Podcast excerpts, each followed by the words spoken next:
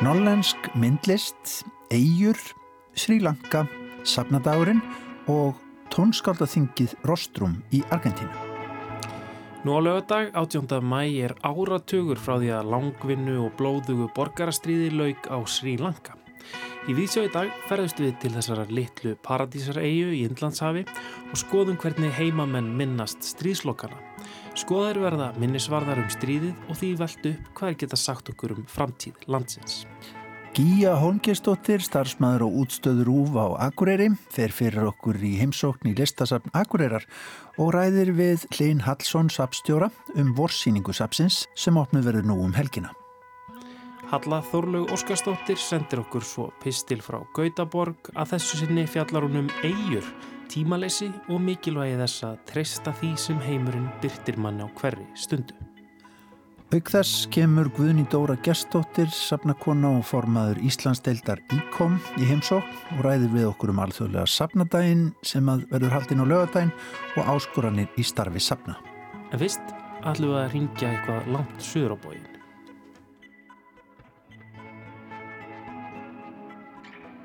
Við erum komin í samband við Argentínu. Þar er Ardís Björk Áskestóttir, útvaskona stödd síðst í landinu. Ardís, hvað erstu? Þú ert í Patagóníu, ekki satt? Jú, ég er frekar norðalega í Patagóníu, samt. Ég er ekki alveg hérna við Suðupólinn, en ég er í San Carlos de Barloche, sem er, uh, ég horfi hérna ef ég fer út réttum megin við hótelið þá horfum ég hérna yfir stöðuva síðan kemur fjallgarður og þar á bakvið er vist Chile. Já, já, það hljóma vel. Já, já. Þú ert þarna með íslenska tónlist í farteskinu segð okkur hvað vorst að gera. Já, ég er á alþjóðlega tónskaldþinginu Rostrum of Composers sem að, hérna, er haldið eh, í fyrsta sinn utan Evrópu þetta er í 60. og 70. sinn sem þetta tónskaldþingi er haldið og þarna koma saman uh, fulltrúar frá útvarstöðum hvaðan æfa úr heiminum og skiptast á verkum og upptökum frá sínu heimalandi. Forvitnilegt að vita hvað er að gerast í heiminum í samtíma tónlist og uh, þetta er svona halgerð keppni í leiðinni þannig að það er hlustað á öll verkin í, í saminningu sittum og hlustum og, og, og svo svona í lokina þá eru valin tíu verk sem komast á úrvalslista og svo þrjú verk frá tónskaldunum sem er yngri en 30 ára og um, þetta heita svona selected work, það er eitt verk sem að svona sigrar þessa óformlegu keppni og uh, þessi skemst að minna að verkið hans Páls, Ragnars Pálssonar Quake sigraði fyrra. Mm verðlunin eru eiginlega svo að, að útvarstöðuvarnar skuldbynda sig til þess að, að spila þessi verk þannig að þau ná til uh, miljóna eira mm -hmm. og uh, sennilega er þetta svona, svona stæsti vettvangur uh, fyrir, fyrir samtíma tónlist ef að fólk vil kynna sig einhvern veginn. Hverjir eru fulltrúar Íslands í ár? Eh, fulltrúar Íslands eru tveir, það er Valgir Sigursson og verk hans uh, Döst sem hann samti uh, fyrir fylgleikaran Daniel Pioro og var frumflutt á tónlistarháttíð Rásar 1, efnið og andin í fyrra.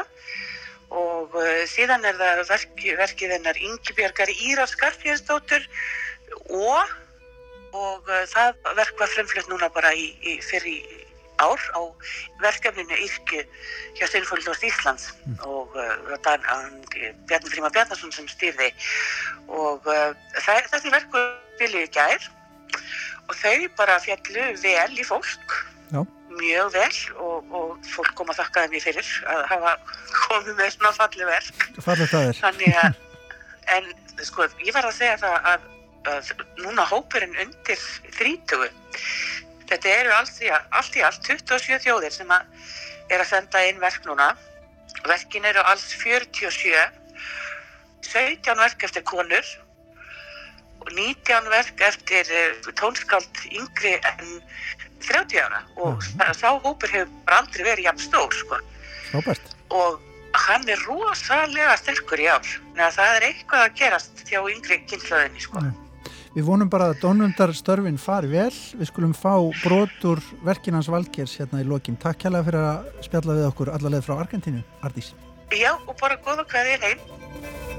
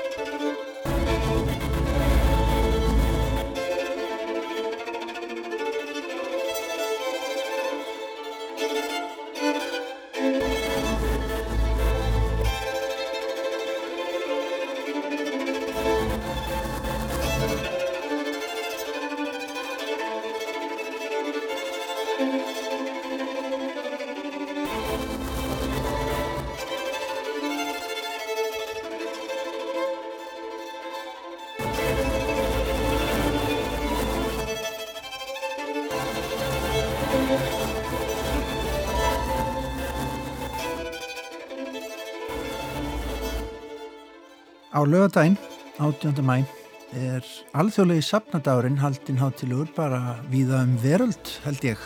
Eh, hingað komin Guðni Dóra Gestóttir sem er formaður Íslandsdeildar ICOM sem eru alþjóðlega sapna manna samtök og hún er líka sapstjóri á Gljúfrasteini. Velkomin Guðni Dóra. Takk fyrir. Sko, þetta er eiginlega svona hugsaður þessi dagur, sapnadagurinn, til þess að vekja aðtikli á starfi sapna sem er auðvitað rosalega fjölbreytt og söfnin ansi mörg í verðinni er það ekki? Þetta er, þetta er svona til þess að fólk átti sér betur á hvaða eigi í rauninni. Í raun og veru, já, nákvæmlega. Hvað eigum við? Við eigum fullt af söfnum út um allan heim og þau eru í almanna eigu og kannski glemum við í stundum að þau eru einmitt eign okkar skattborgarana Já, við eigum að hafa skoðanir á þeim. Við eigum að hafa skoðanir á þeim og við eigum að njóta þeirra og þetta eru svona, það má líta á söfnir sem gersemar eða gullkistu ekki ósvipa kannski náttúruperlum ef við förum hinga til Íslands, Guldfoss eða Geysir það er alveg ótvírætt að þetta eru hérna okkar merkustu eða meðal okkar merkustu náttúruminja mm. og söfnin var veita menningaminjar sem eru á svipu, svipari stærðagráði við, mm -hmm. þó að sé kannski er við að tala um stærð eða smæð samanbur beinan, samanbur beinan. en kannski bara svona til að setja hugsunna í þann í það stellingar að að þetta eru verðmæti, gullmólar, demantar. Og á alþjóðlega sapnadeginum þá eru söpn viðsörum heiminn, allan heiminn. Svona vekja aðtekla á starfseminsinni opna, gera óvinnilega hluti eða, eða gera bara venjulega hluti opna og taka móta gestum eins og gestir, alla dagar ársins og, og engi veit hvaða gestir dettinum dyr. Já, þannig að þetta er tækifæri og núna hérna á Íslandi þá höfum við bundist samtökum með félag íslenskra sapna og sapmanna og við fengum stöðning frá sapnasjóði til þess að standa fyrir kynningu fyrir allt sapn. Þannig að það er líka kannski nýja hlutverk eh, okkar sem að starfum á sapnunum að muni eftir því að við verðum að kynna það sem við verðum að gera. Við verðum að vekja aðtikla á því sem er að gerast og nota til þess nútímalega leiðir þá menn ég gegnum samfélagsmiðla eða Það hefur auðvitað best í þetta allt saman. Það er margt svona sem að söfnum þurfa að fóta sig í bara síðustu árum. Já, já, það er náttúrulega gerst alveg ótrúlega mikið, hvað ég segja, síðustu 20-25 árum í sapnageiranum og það er ekki lengur þannig að sapnin er bara lokuð og það er að sapna ykkur um ákveðnum gripum og svo er einstakar síning eða e, heldur að hafa bæst við ímiskonar hlutverk og kynningamálun eru eitt af þessum hlutverkum þar sem að kannski það er líka tækifæri fyrir söfnum til þess að uh, miðla að því að samkvæmt söfnalögum þá eiga söfna miðla mm -hmm. gegnum fræðislu, síningar og svo framvegis en uh, vefurinn, samfélagsmiðlar eru líka tækið sem að við getum nýtt okkur til góðs og komið á framfari ymsu því sem að söfnin er að gera mm. og hvað sem það ert í Kína eða Kópaskýri þá getur skoða þetta þó að það jafnist náttúrulega ekkert á að koma á staðin að ég held að eh, við verðum að herða okkur og, og gera betur þó að við erum náttúrulega hérna, tilenga okkur þessa tækni og, og svona. -hmm. Sko, þú ert í alþjóðarsamstarfi á sviði, á sapna sviðinu heila, skulum við segja er það eitthvað sérstatt nú er þetta stopnarnir sem álega hugsa inn í svona líðræðismengi bara almennt uh, oft söfnin, þau leggja til við líðræðisvitund fólks bara í samfélagum. Er það eitthvað sérstatt sem að brennur á söfnafólki á heimsvísu? Uh, er þetta ekki svo fjölbreyttar stopnarnir? Sko? Er þau eru og... mjög fjölbreyttar og, og kannski mjög erfitt að tala um þar sem einhvern heild en núna stendur yfir til dæmis á vegum alþjóðaráðssapna vinna við að skilgreina sapnahuttakið aftur Já. og það er svona verið að kalla eftir ábendingum frá löndum hérna og þaðan úr heiminum og það sem er einmitt verið að fara yfir til dæmis þessar samfélagslegu breytingar söfnin náttúrulega er ekki til í einhverju tómarúmi eða geta bara verið svona bara kjurar á sínu stað og haft það hugulegt heldur verða svona að vera til í samtímanum Já. og það er kannski eins og mesta áskorun sem að söfni standa framfyrir og það er verið að reyna að fletta þetta svolítið inn í inn í þessa nýju skilgreiningu sem að þó er ekki orðin endarlega því að það verður síðan e, tekin ákvarðunum hvernig þetta mun hljóma í texta í, í Kyoto í september á þessu ári. Sko það er þema hérna, sem að ég sá bara inn á öfsíðu hjá ykkur söpn sem menningar miðstöðar framtíð hefðarinnar þeir eru að hugsa oft um fortíðina en þeir eru í núinu og þeir þurfu að miðla til framtíðarinnar. Það eru, eru þrjár tímaveitir í þessu öllu. Já, já, ha. og engi veit hvað, fram, hvað framtíðin berið skauti sér heldur. Já, það var, sko þetta er þema þessa sapnadags. Mm -hmm. Það er söp sem menningamistuðar mm -hmm. og það er kannski ágætt. Við, eh, ég var einmitt að hugsa áður í kominga að Við munum kannski eftir hérna félagsemilunum sem voru út um all land og standa núna kannski auð hér og þar við svegar. Þetta voru félagsemilega sem fólk kom saman og spilaði, spilaði á spil og það voru böll og ammali og allt, allt mögulegt. Það er ekki mikið starfsemi þar núna en á söpnunum er heilmikið starfsemi og það eru viðbörður, síningar og, og óteljandi svona leiðir sem að sopna hafa verið að nýta sér til að vera svolítið líka skemmtileg mm. og opna dyr og, og e, dæmum það, það sem að sko í út á landi og hér í Reykjavík og allstaðar þá eru þeir sem að eiga söpnin, íbúarnir í nær samfélaginu, þeir koma og, og til dæmis lesa úr gömlu myndum og varveita þá, þá þekkingu um tiltekna myndir og svo framvegis. En, en e, það er síðan hægt að miðla því að alla mögulega máta. Mm -hmm með skemmtilegum síningum eða viðburði eða Akkurat. hvernig sem er það er bara sköpunar uh, krafturinn þarf að, þarf að vera til staðar Það er heilmikið sköpunarkraftur í íslensku söpnum Það er það finnst. bara alveg ótrúlega mikið og skemmtilegt eh, búið að gerast á öndarföndum árum mm.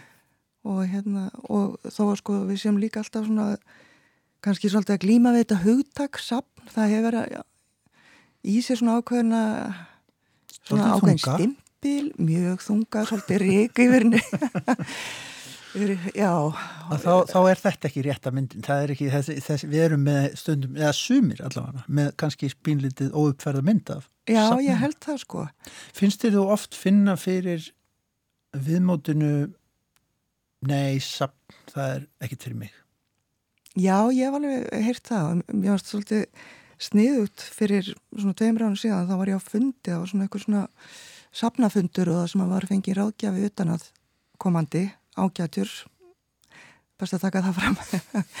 En þá svona eimdi eftir að, af þessari, þessari sín og, og hún saði ég ætla að byggja ykkur um að vera hérna á staðnum í núinu og slökk á símanum Þið eru kannski ekki með snjálfsíma þarna á söfnunum.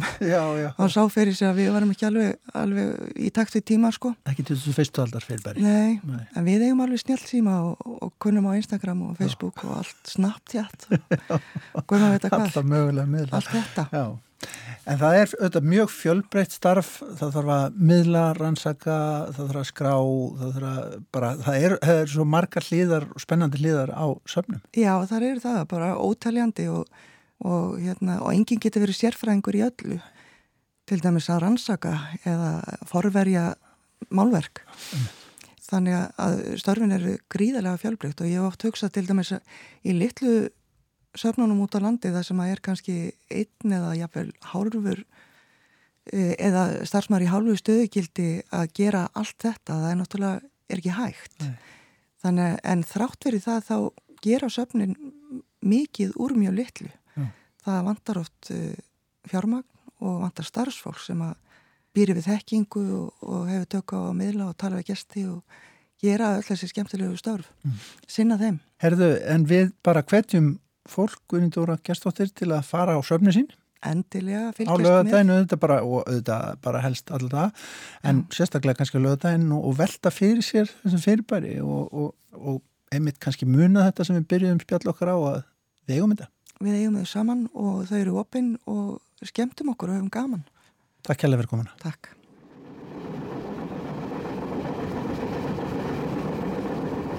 Við sitjum um borð í lest sem rennur yfir flatlendi norður Sri Lanka. Brennandi heit sólinn glampar á blá vasslónin, þurrt sandblásið landslægið þýtur hjá opnum glögganum. Palmýru pálmatrið raða sér upp eftir sjóndeldarhingnum.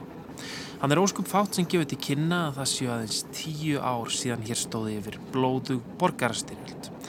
Það var þann 18. mæ 2009 sem fórseti Sri Lanka tilkynnti að uppreysna hér Tamil Tigrana hefði verið gjör sigraður og leðtóið þeirra Velupúlai Prabakaran væri fallin. Í meirinn aldar fjórðung hafði miskunnulegst stríð verið háð á þessari litlu paradísareiu rétt fyrir niðan söður óta Indlands. Ég er á bakbókaferðarlegi á samt byrnu kæristunum minni tæpur mánuður á Sri Lanka sem er nú orðin hálgerð ferðamannaparadís áfungastæður ásins 2019 segir ferðabókaframleðandinn Lonely Planet. Við höfum yfirgefið yfir fullar söðu strendurnar, surfið og safari-jeppana farin úr alfara leið og stefnum til Jaffna, nýrstu borgar Sri Lanka. En það var einmitt á þessu svæði sem lestin rennu nú svo silalega yfir sem helstu bardagar stríðsins voru háðir. Það er hægara sagt en gert að ná utanum atbyrðarásina hvað þá uppbruna og ástæður borgarastriðsins á Sri Lanka. En í stuttumáli má segja að stæsta þjóðabrótið á eiginni, Singalar, sem er um 80% íbúa, hafi ekki talið sig njóta sammælis eftir að nýlandu stjórn breyta laug árið 1948. Singalískir stjórnmálamenn nýttu sér þessa auknu þjóðarnisíkju sem einnig er tengd við trúalegar hugmyndir um mikilvægi yfiráða singalískra bútista á eiginni. Smám saman var minnulutahópum ítt út úr ofinberum stopnunum og stöðum, singalíska var gerðað ríkismáli og bútismi að ríkis trúabröðum.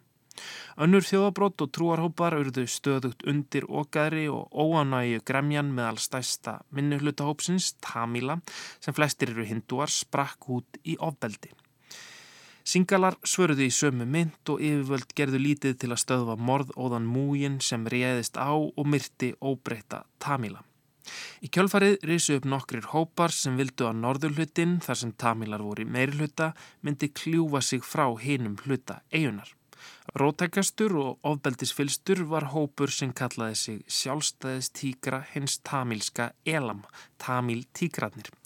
Frá 1983 til 2009 börðust þeir við ríkisherr Sri Lanka með ímiskonar skæruhernaði. Með fjárhagslegum stuðningi brottfluttra Sri Lankískra Tamila tókst þeim að byggja upp öflugan herr, taka landsvæði og á tímabili starrækja sitt eigið þjóðríki á norðurluta eigunar. Og þar börðust þeir til síðasta manns í loka orastunum vorið 2009. 26 ára stríði stjórnvalda á Sri Lanka við aðskilnaða sinna Tamila í lokið, hersveitir Tamil tígrana hafi verið gjör sigraðar. Paprakaran, stopnandi og leitói tígrana var feldur í morgunasögn hersins. Meirinn 100.000 manns létust í stríðinu, fólkmisti heimili sín var neitt til að berjast hriðjuverk framinn almennir borgarar myrtir, singalar, tamilar. Báðar fylkingar gerðust sekar um hryllilega grimd og stríðsklæpi en 18. mæ 2009 þögnuðu bissutnar loksins og nú eru tíu ár frá stríðslokum. En hvernig minnist maður slíkrar sögu? Hvernig minnast Sri Lanka búar atbyrðarna nú áratug eftir stríðslokk? Sundursprengt hús og sprengju gígar eru að mestuleiti hortnir en á undaförnum árum hafa æg fleiri ofinber minnismerki um stríðið verið reist í norðurluta Sri Lanka. Á veginum yfir fílaskarðið landbrú sem liggur að jafna skaganum eru minnisvarðar sem singalar viðsvegar um landið heimsækja. Rútur fullar af pílagrimum úr söðri keira langar leiðir til þess að sjá ummerkinum stríðið og minnast hetjudáða hersins í baróttunni við blóð þyrsta hriðiverkamennina. Við keirum frá Jafna með þryggja hjóla leigubíl, tuk-tuk, að minnisvarðanum. Þetta er nokkura metra hár, rauðleitur, bronsskúldur sem sýnir nokkrar hendur sem lifta tetrópalaga eigunni upp til himins, líklega táknum mikilvægi þess að íbúarnir standi saman til að stöðlað framgangi Sri Lanka. Og tvö blóm stingast upp úr skuggamyndinni. Þannig eru stórir hópar fólks sem hafa komið með rútum, singalar, en ekki einn einasti erlendi ferðamaður. Ungt fólk með selfie-stangir, eldri konur með sólhlífar og heilu fjölskyldurnar virða fyrir sér minnisvarðan og hlusta forvitin á leðsögn enginnisklæts Hermanns. Nokkur undru metra í burtu er annar vinsæl áfangastadur, upplýsingamiðstöð lítið hóf þar sem hægt er að leggja blóm við myndir á föllnum ríkishermönum og aðaladráttaraflið sem er brinnvarinn trukkur sem guða hafi verið fyllur á sprengiefni og notaður af Tamil tígrunum til árása. Það gleymið sent hvernig tígrarnir beittu hriðjuverkum gegn óbreyttum borgurum, her og stjórnmálamönnum voru meðal annars brautriðendur þegar komað sjálfsmors sprengju árásum. En það kemur hins vegar hverki fram að það voru sigurvegara stríðsins sem beittu verstu meðalunum. Ekki aðeins hurfu fjöldi bladamanna og ímiskonar stjórnar anstæðinga á meðan stríði stóði yfir, heldur dói tug þúsundir óbreyttra Tamila fyrir sprengjum og bissukúlum stjórnarhersins á síðustu vekum stríðsins. Í kjölfar þess að eftirlitsmenn alþjóðleira friðar og mannreitinda samtaka höfðu flúið átakasvæðið á vordögum 2009 var umkomulausum tamilum smalað á æ afmarkaðri svæði og þeim lofað örugu skjóli, griðarstað, no fire zone var það kallað. En svo var sprengjunum og skotum látið regna yfir þá. Tugir þúsunda almennra borgara letu lífið, hversu margir er ómögulegt að vita en það hafði heimurinn þá þegar letið undan. En hér á Sílanka eins og annar staðar er sagan skrifuð af sigurvegurunum og á þetta er ekki minnst einu orði á hennum ofinberu minnisförðum. Tuk-tuk bílstjórin staðfestir það sem okkur grunaði, engin tamili myndi nokkuð tíman heimsækja slíkt minnismerki. Tamilar þurfa að sirkja hérna látnu í hljóði. Við veltum fyrir okkur hvort við eittum að keira til Mula Tífó á strandlengjuna þar sem síðustu og mannskæðustu fjöldamorðin fóru fram. Mér finnst við verða að fara en byrna er ósamála. Við raugræðum um siðferði slíkrar ferðamennsku. Er það ekki ósmekklegt og vanvirðing við heimamenn að heimsækja bæin í hálgerðum helfarar túrisma, taka sjálfsmyndir með gapandi opið svöðusár samfélagsins í bakgrunni? Eða er það skild okkar að bera hryllingnum vitni? Er síðsamleira að loka augunum? Er hægt að vera ópolítískur ferðamæður á svona stað? Þannig er ekkert lengur að sjá, segir bílstjórun okkar og við skinnjum að hann vill síður leggja á sig klukkutíma aksturinn.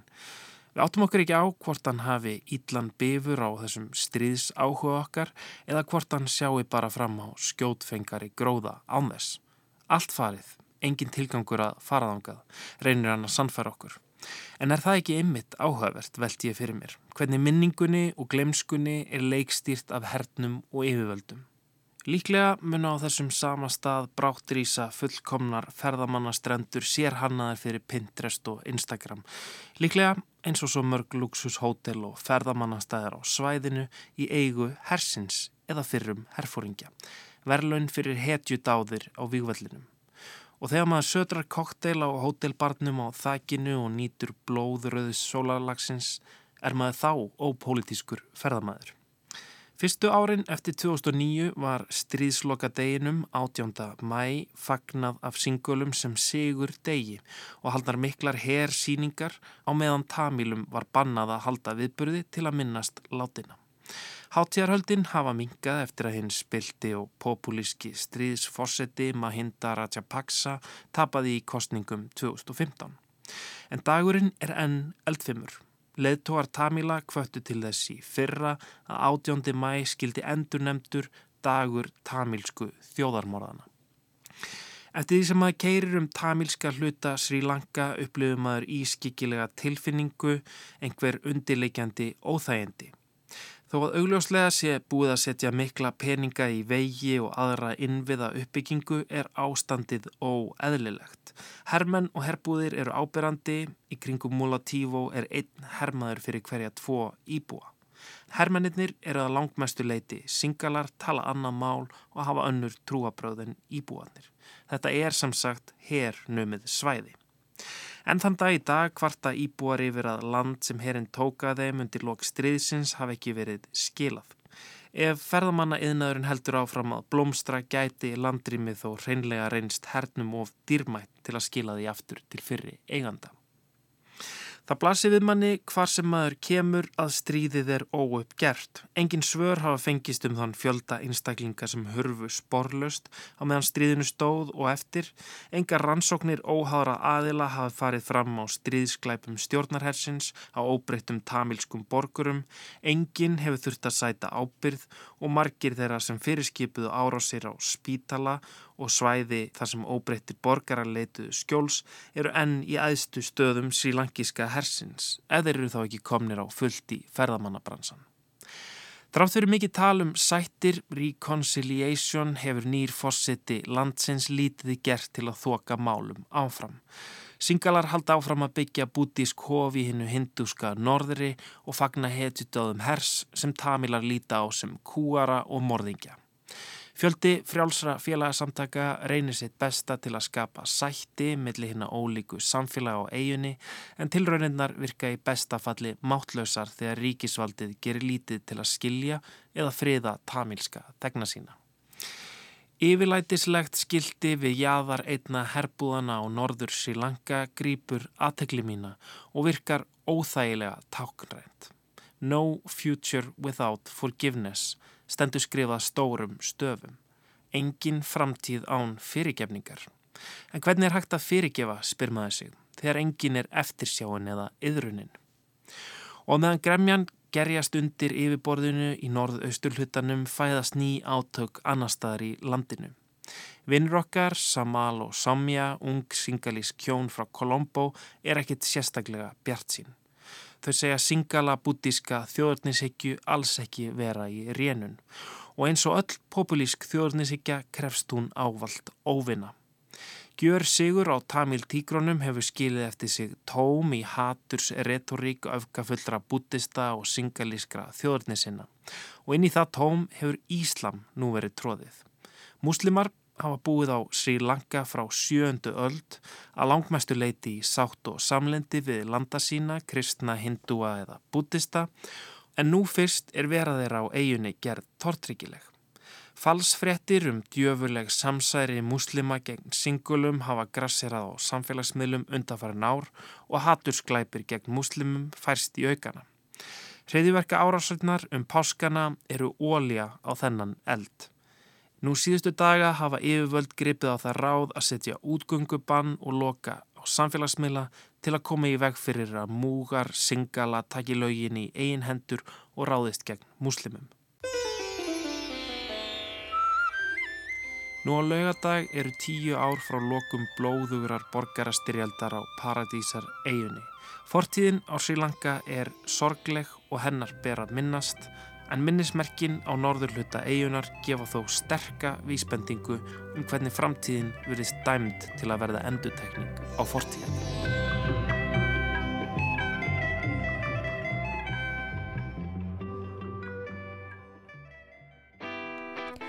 Það er engin loka nekkur í þessum pysli. Það er ekkert sem þú þarfst að taka inn, ekkert sem krefur viðbræða, skoðana eða skammar. Þú þart ekkert að hafa fyrir neinu, kæri hlustandi. Legðu bara við hlustir og sjáum til hvað gerist.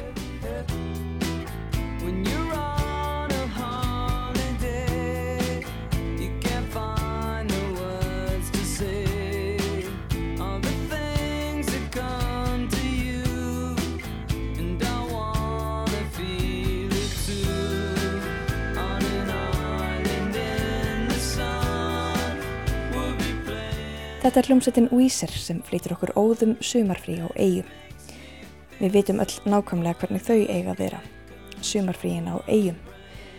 Við hugum þessa samílegu romantísku hugmyndum þögnina, eyrðina, dvölina, haminguna.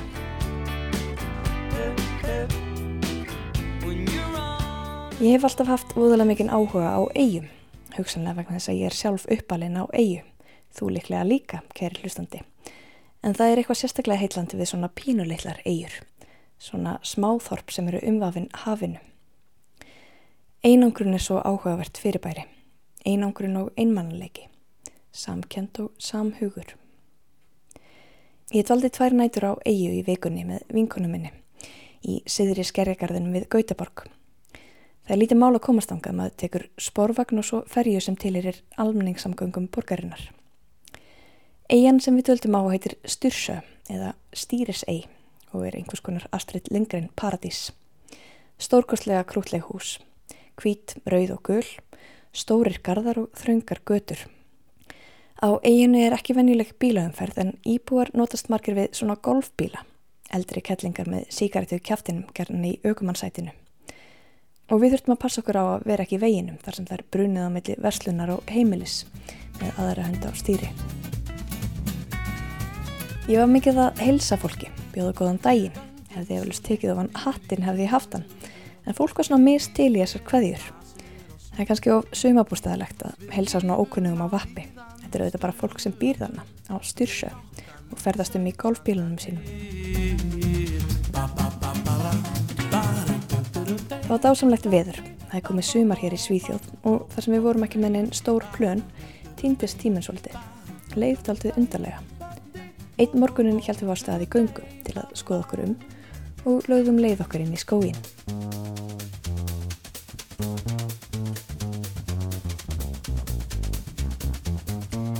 Í samræðum við Svíja hef ég komist að því að við upplifum öryggistilfinningu á óleikan máta. Þetta er öruglega ekki algilt hvorkjum svíjan í Íslendinga en ég get bara talað út frá því sem ég hef upplifað og því fólki sem ég hef rætt við. Ég komst nefnilega eins og því þegar ég tjaldaði í sænskum skói að mér fannst það ógmænlegt. Mér fannst óhugulegt tilöksun að eitthvað geti leinst baku trén. Óþægilegt tilöksun að vita af öllum dýrunum sem byggu þarna og kemur svo fram á nóttunni. Verunum sem feldu sig í skóinu. En þegar ég viðræði þessar áhyggjur var upplifun svíjana þver öfug. Þeim fannst þetta einmitt gott að vera í skóginu, að geta falið sig. Þannig var þeirra öryggi. Mér finnst gott að geta séð sjóndeldarhingin, horti í kringum mig og séð alla leið. Hlaupa svo bara ef eitthvað ógnar. Hún sést þá allavega á laungu færi, ógnin.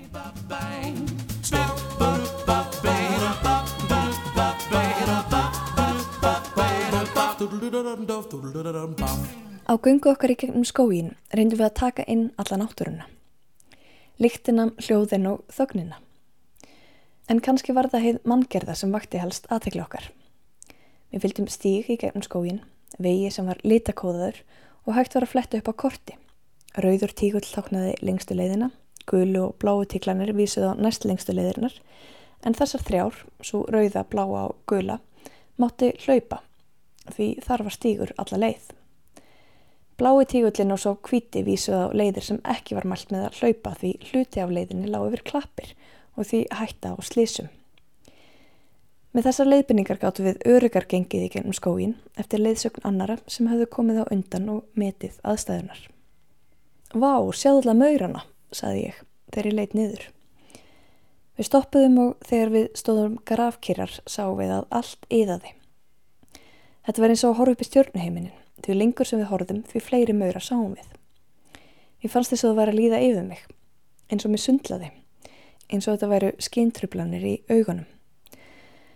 En þetta voru bara maurar, yðnir litlir vinnumenn að byrja sér björg í bú. Um leið og við gengum að stað, hurfuð þeir. Við sáum það ekki fyrir en við stöldruðum við. Ég held að megi auðveldlega heimfara þessa upplifun yfir á okkar daglega líf, okkar daglega amstur sem á miklu leiti byrtist okkur sem leið til að byrja björg í bú standa í þessu lífi. Sinna hínu og þessu til að eiga svo eitthvað annað enni síðar. Við gengum í gegnum skógin og komum að grindverki. Það var ekkert lið en lítil kindabrúin í gerðið.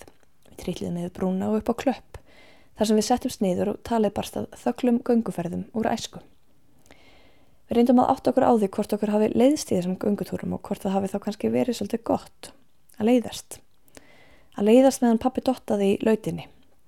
Tæta sundur strá og dífa fingrunum ofan í mosa. Það er aldrei gott kannski bara. Haldastu kannski hendur, öryggið og leiðin. Er erfitt að láta sér leiðast að maður er óöryggur. Rútína er ákveðið öryggi. Uppbrót og breytingar ókna því en veita líka spennu. Manni leiðist farlega í svoleiðis aðstæðum. Börn sem segja mér leiðist eru örygg til að láta sér leiðast. Laus við áhyggjur og kvíða geta þau týnt sér í leiðanum. Öll þráfið jú einhvers konar öryggi, ekki satt. Í hraða og fyrringu samfélags okkur er sífalt verið að minna okkur á að hæja á okkur. Eldahægar, hugsahægar, borðahægar og njótahægar. Slow TV er fyrirbæri sem hefur rutt sér til rúms á síðustu árum þar sem áhórandin fylgist með ákveðinni atbyrðar á sír rauntíma. Einhverju ferðli eða jáfnvel ferðalagi. Mannesku sem sefur. Fugglum klekjast úr eggjum í reyðri. 7. apríl er árlega tilengaður reyfingu sem kallast slow art, hæg list. Þá er almenningur kvartur til að heimsækja listasöfn og verja að minnstakosti tíu mínútum fyrir framann hvert verk sem skoðað er. Með því að skoða lengi, skoða hægt, þá gerir áhörfandin uppgötanir með sjálfum sér. Hann meldir, hann íhugar, býr til tengingar sem mótast út frá hans eigin upplifunum í nútíð og þáttíð.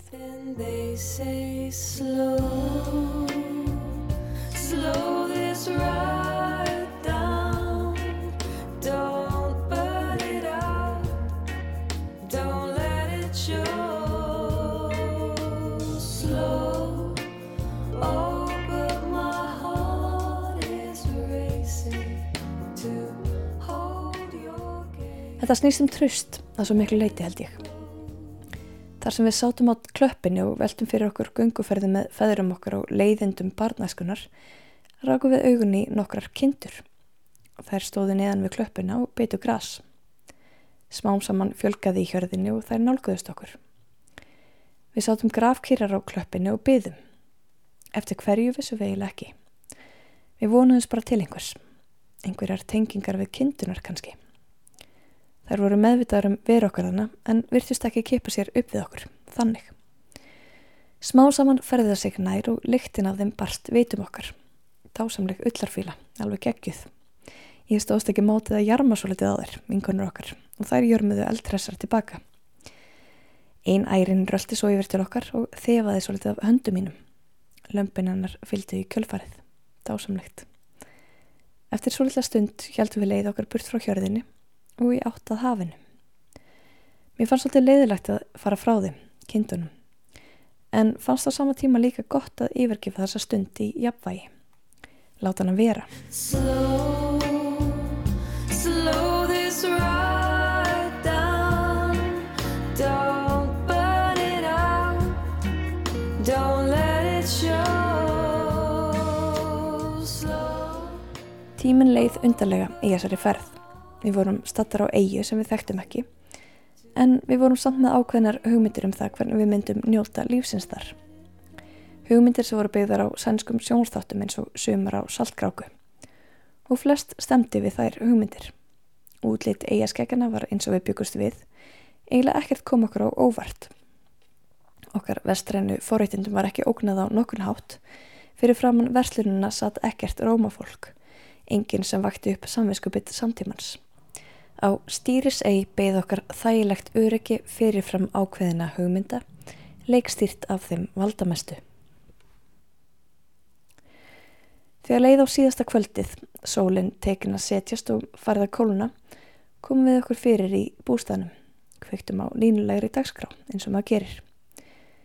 Í sjónvarpinu var eitthvað sem heitir Hela Sverige bakar, sjónvarstáttur þar sem frægir svíjar kæftust við að baka einhverjar rjómatertur. Þátturinn fylgdi fullkominni formúlu, sniðinni eftir neytenda viðmiðum samtímans. Húmor, spenna, taktföst tónlist, endurtekningar og auglýsingarlíja og augur stundu. Við gáttum alveg skemmt okkur yfir þessu. Veltum líka fyrir okkur hversu stór hluti eigaskeggja væri að horfa á sama þátt í litlu sætu húsunum sínum. Síðar um kvöldi lögðust við í sittkort rúmið í keiturinn okkar undir súð og ég las upp úr sænskri skaldsögu fyrir vinkonu mína sögu sem fjallaðum ástarsamband, afbreyðisemi og hinn ímsu vandamál okkar kynsluðar. vandamál okkar vestarænu forrættindakynsluðar. Ég afði mig í að lesa upp á þetta á sænsku og vinkuna mín æði sig að lusta og skilja. Við vissum báðar að ég myndi aldrei ná að lesa alla bókina og þar með myndum við aldrei í sammenningu komast að því hvernig sagan færi. En það var á þessu augnabliki aukaatriði.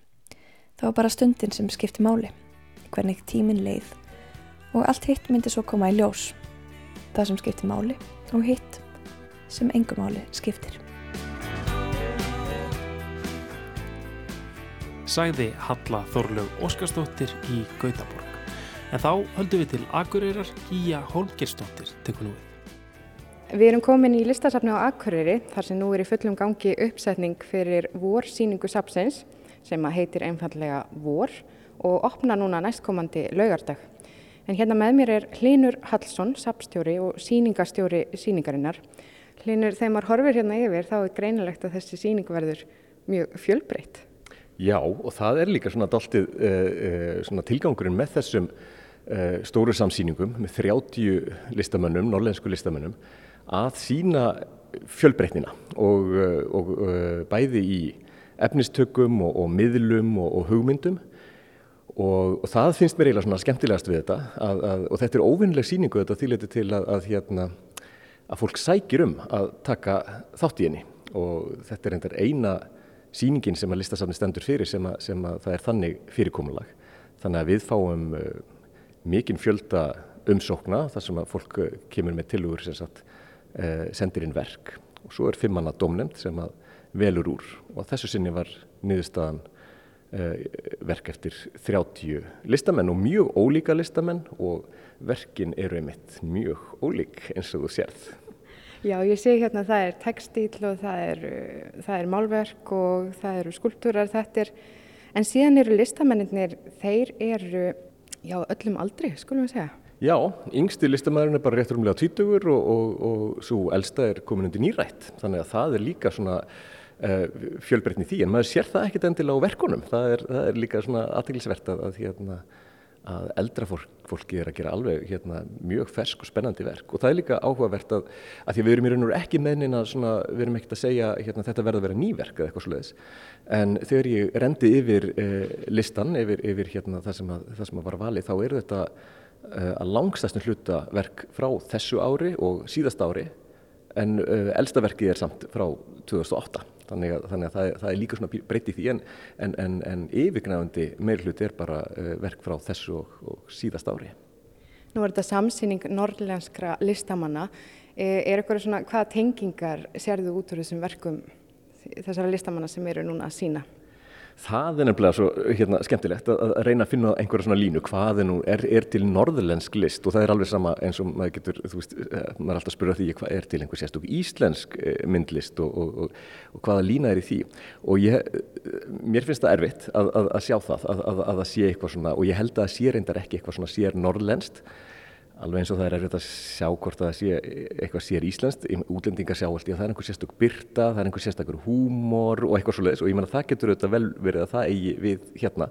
En hins vegar sko uh, eru sko listamennir ekkert allir uh, búsettir á Norðalandi við, við reynum að hafa þetta svona opið að, að, að hérna.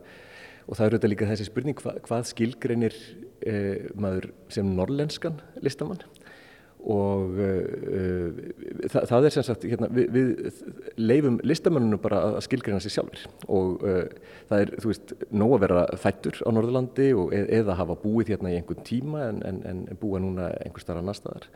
Þannig að, að það er alveg opið. En, en, ég er vissum að sko fólk sem kemur á sínunguna getur séð einhverja svona tengingar og, og, og þetta er nú í þriðja skiptið sem við setjum upp, upp þessa síningu sem er semst tveggja ára fresti að eh, ég vissum að, að, að þegar maður fer að skoða aftur í tíman, skoða síningarskrár að, að þá getur maður bæði fundið kannski einhverja svona línu að því að það er alltaf auðveldar að gera það þegar svona frá líður og líka sko að sjá, já, er einhver þróun, er, er eitthvað að breytast, er, er, erum við að færast í, í áttina að einhverju öðru, er listin að verða pólitískari, erum en meira að hverfa aftur til málverksins eða, eða og svo framvegis. Já, ætlið að nota þessar þrjá samsýningar sem kannski svona rannsóknarverkefni fyrir ykkur hérna á listasamnu? Alveg hreint, það er auðvitað, sko, og í raun og veru skild, einn skilda listasafnins, það er að, að hérna, rannsaka myndlist og okkar, okkar sko, þáttur sem listasafn á Norðurlandi eru þetta eðlega að einbytta okkur að, að þessu svæði Uh, þó við horfum auðvitað líka út í heim en það er gaman að setja sko norrlenska myndlist í, í samhengi við heimslistina og, og, og það er svona líka svona þetta að, að vera með eitthvað svona einhverja samfellu í þessu að, að þá er auðveldar auðvitað að, að velta fyrir sér og skoða þegar að 20 áru liðin uh, og maður getur farið að sapna saman uh, tíu síningum hver þróun hefur verið eða hvað hefur verið að gerast árið 1919 í, í myndlistinni. En svona samsýningar þær eiga sér nú nokkra sögu hérna á Akureyri. Er það ekki rétt um mér?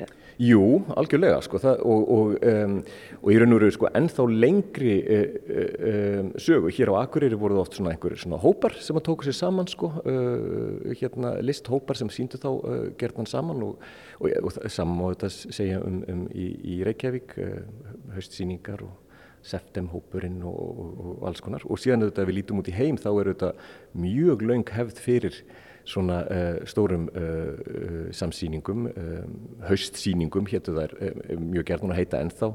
Charlottenborg í, í, í Kaupmannahöfnir ennþá með, með fræga svoleiðis síningu og, og víða í Þískalandi og í Fraklandi, upp, kannski nú vakkan í, í Fraklandi og það sem er líka skemmtilegt sko hér og gerðist bara um leið og við byrjuðum eða tókum upp þennan þráð í raun og veru fyrir, ja, það er þá hvað, fimm ár síðan að, að þá hérna þeir sem að eiga ekki verk á síningunum, þeir hérna, ja, þau ákvaðu bara að setja upp hérna sína eigin síningu hinnum við göttuna í, í deglunni og, og það eru þetta svona dáltil uppreysni því og, og mér finnst það mjög flott svona yfirlýsing að, að, að, að gera það bara á sama tíma og síningin hér opnar, þá hefur verið að opna síningu hinnum með við, við göttuna, þeir sem komust ekki á síninguna eða þeir sem voru á seinir að sækja um eða, eða þeir sem vildi ekki sækja um eða, eða Já, það stendur einmitt í hérna auðlýsingunni frá Gilfélaginu sem sér um þá síningu að já, þeir sem af ýmsum ástæðum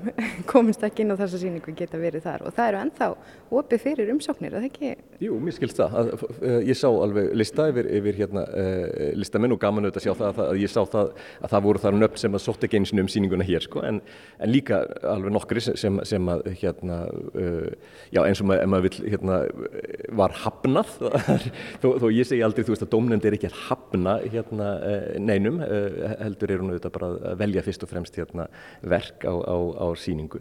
En, en það, það, er, það verður hérna gaman að, að, að sjá það og bera þessar síningar saman auðvitað og, og, og, velta svona, svona henni hliðinni fyrir sér líka því að ég meina auðvitað er þessi síning er bara ein útgáfa af uh, norrlenskri uh, myndlistasíningu það, það hefði verið hægt að gera 20 eða 100 mismunandi síningar og dómnefndin er alltaf breytileg, fyrir manna dómnefnd skiptist alltaf milli ára þannig að, þannig að þetta eru þetta líka uh, eitthvað vag, uh, mat og, og hérna og hvernig, hvernig þau sjá fyrir sér hvað, hvað hendar saman og hvað er, hvað er spennandi. Já, þetta verður skemmtilegt samtal hérna á millið þessara tveggja síningarstaða en nú langar mig aðeins, sko við erum núna stött hérna í Ketilhúsinu sem að þið kallir núna sal 10 og 11 sal 10 og 11 og svo er hérna, síningin er hér og svo tegjur hún sig hérna yfir í nýri húsakinni og þetta er svolítið gaman út af því að uh, fyrri síningar voru þetta bara í, gamla, í gamla listasafni en núna er þetta að tegja sig yfir í nýju húsakinnin. Já, akkurat. Og, og við erum auðvitað ennþá að læra á þetta eh, nýja safn sem við opnum í ágúst á síðasta ári. Hvernig eh, salinni tengjast upp á nýtt. Nú er komin svona, það, það er hægt að lappa sem sagt í ring í safninu. Og nú tökum við þennan tengisal sem er númer 09 í, í safninu, hann, hann er sem sagt með í þessu og, og uh, það er þetta svona önnur ára og, og, og allt annur, önnur tilfinning í þeim sal en, en, en mér finnst það sko mjög skemmtilegt og það er þetta áhugavert um þetta hvaða verk velum maður og hvaða verk setum maður saman og svo leiðis og hérna maður maður reynir svona einmitt að, að, að, að velja það líka og það góða við hérna nýja listasafnið er að, að salinnir eru svo fjölbreyttir, þeir eru svo ólíkir, þeir eru ólíkir að stærð og, og, og byrtu og, og lofthæð og svo framvegist, þannig að, þannig að það, er, það er gott að hafa þriðja salin úr að, að móða í, í hérna þegar maður setur upp svona stóra samsýningu. Algjörlega, ég var rölda hérna yfir í nýri hlutan, þetta Já. er tengibygging einhvers konar, er það ekki? Jú, emitt, þetta tengir í raun og veru saman hæðina sem að uh, listasafni var á áður, listasafni var bara á einni hæð og síðan uh, ketilhúsið uh, yfir í þessa brú og við, við fáum þennan fallega hérna, sal með smá hallandi gólfi, smá Guggenheim fílingur í þessa sal og með eini glukkin sem vísar í norður er hér og hann, hann er ekki af minni tegundinni að, og síðan þessi glukki sem, að, sem að, hérna, snýr hérna út, út af kirkjunni, verið hérna fallegt útsýn yfir, yfir e, gilið og, og, eh, og kirkjuna og þetta er, þetta er svona hérna, já þessi salur er einhvern veginn svona Uh, mjög spennandi. Við heldum að þetta er meira eins og svona, svona tengigangur eða eitthvað sluðis en, en í raun og veru er, nýtist þetta bara sem frábær hérna, myndlistasalur og, og, hérna, síningin er eiginlega bara tilbúin hér. Það er þá eftir að setja upp hérna, eitt verk en, en annars er, er, er það komið sem, að, sem að verður hérna. Og hér er mitt í þessum tengigangi, þar er verk eftir eldstu listakonuna. Já, Kristín frá Mungaþverá, hún á hérna, splungnýtt verk sem heitir Andlit Jökla og og er, er bara afar fallegt og, og, hérna, og mér finnst veist, þetta verka gæti líka verið bara eftir, eftir hérna, 30 myndlistamann þannig að, þannig að það er líka skemmtilegt að, að, hérna, að uppgöta eh, svoleiðis sluti og á sama hátt er, er líka gaman að að geta sínt sko verk eftir listamenn sem, sem hafa lengi verið að og, og, og við þekkjum vel og, og höfum séð verk eftir en líka eru við með verk eftir listamenn sem kannski hafa ekki verið að sína mikið og þó maður telja að maður sínur svona ágjörlega inn í því sem er að gerast í, í myndlist að, að þá er, fær maður alltaf hérna, umsóknir frá uh, listamennum sem eru spennandi og gera spennandi verk að, sem maður hefur bara ekki heyrt af áður og það eru þetta líka einn skemmtilegur hluti við, við svona síningu. Algjörlega, en þið munið halda þessu áfram, þessum tvíarengi?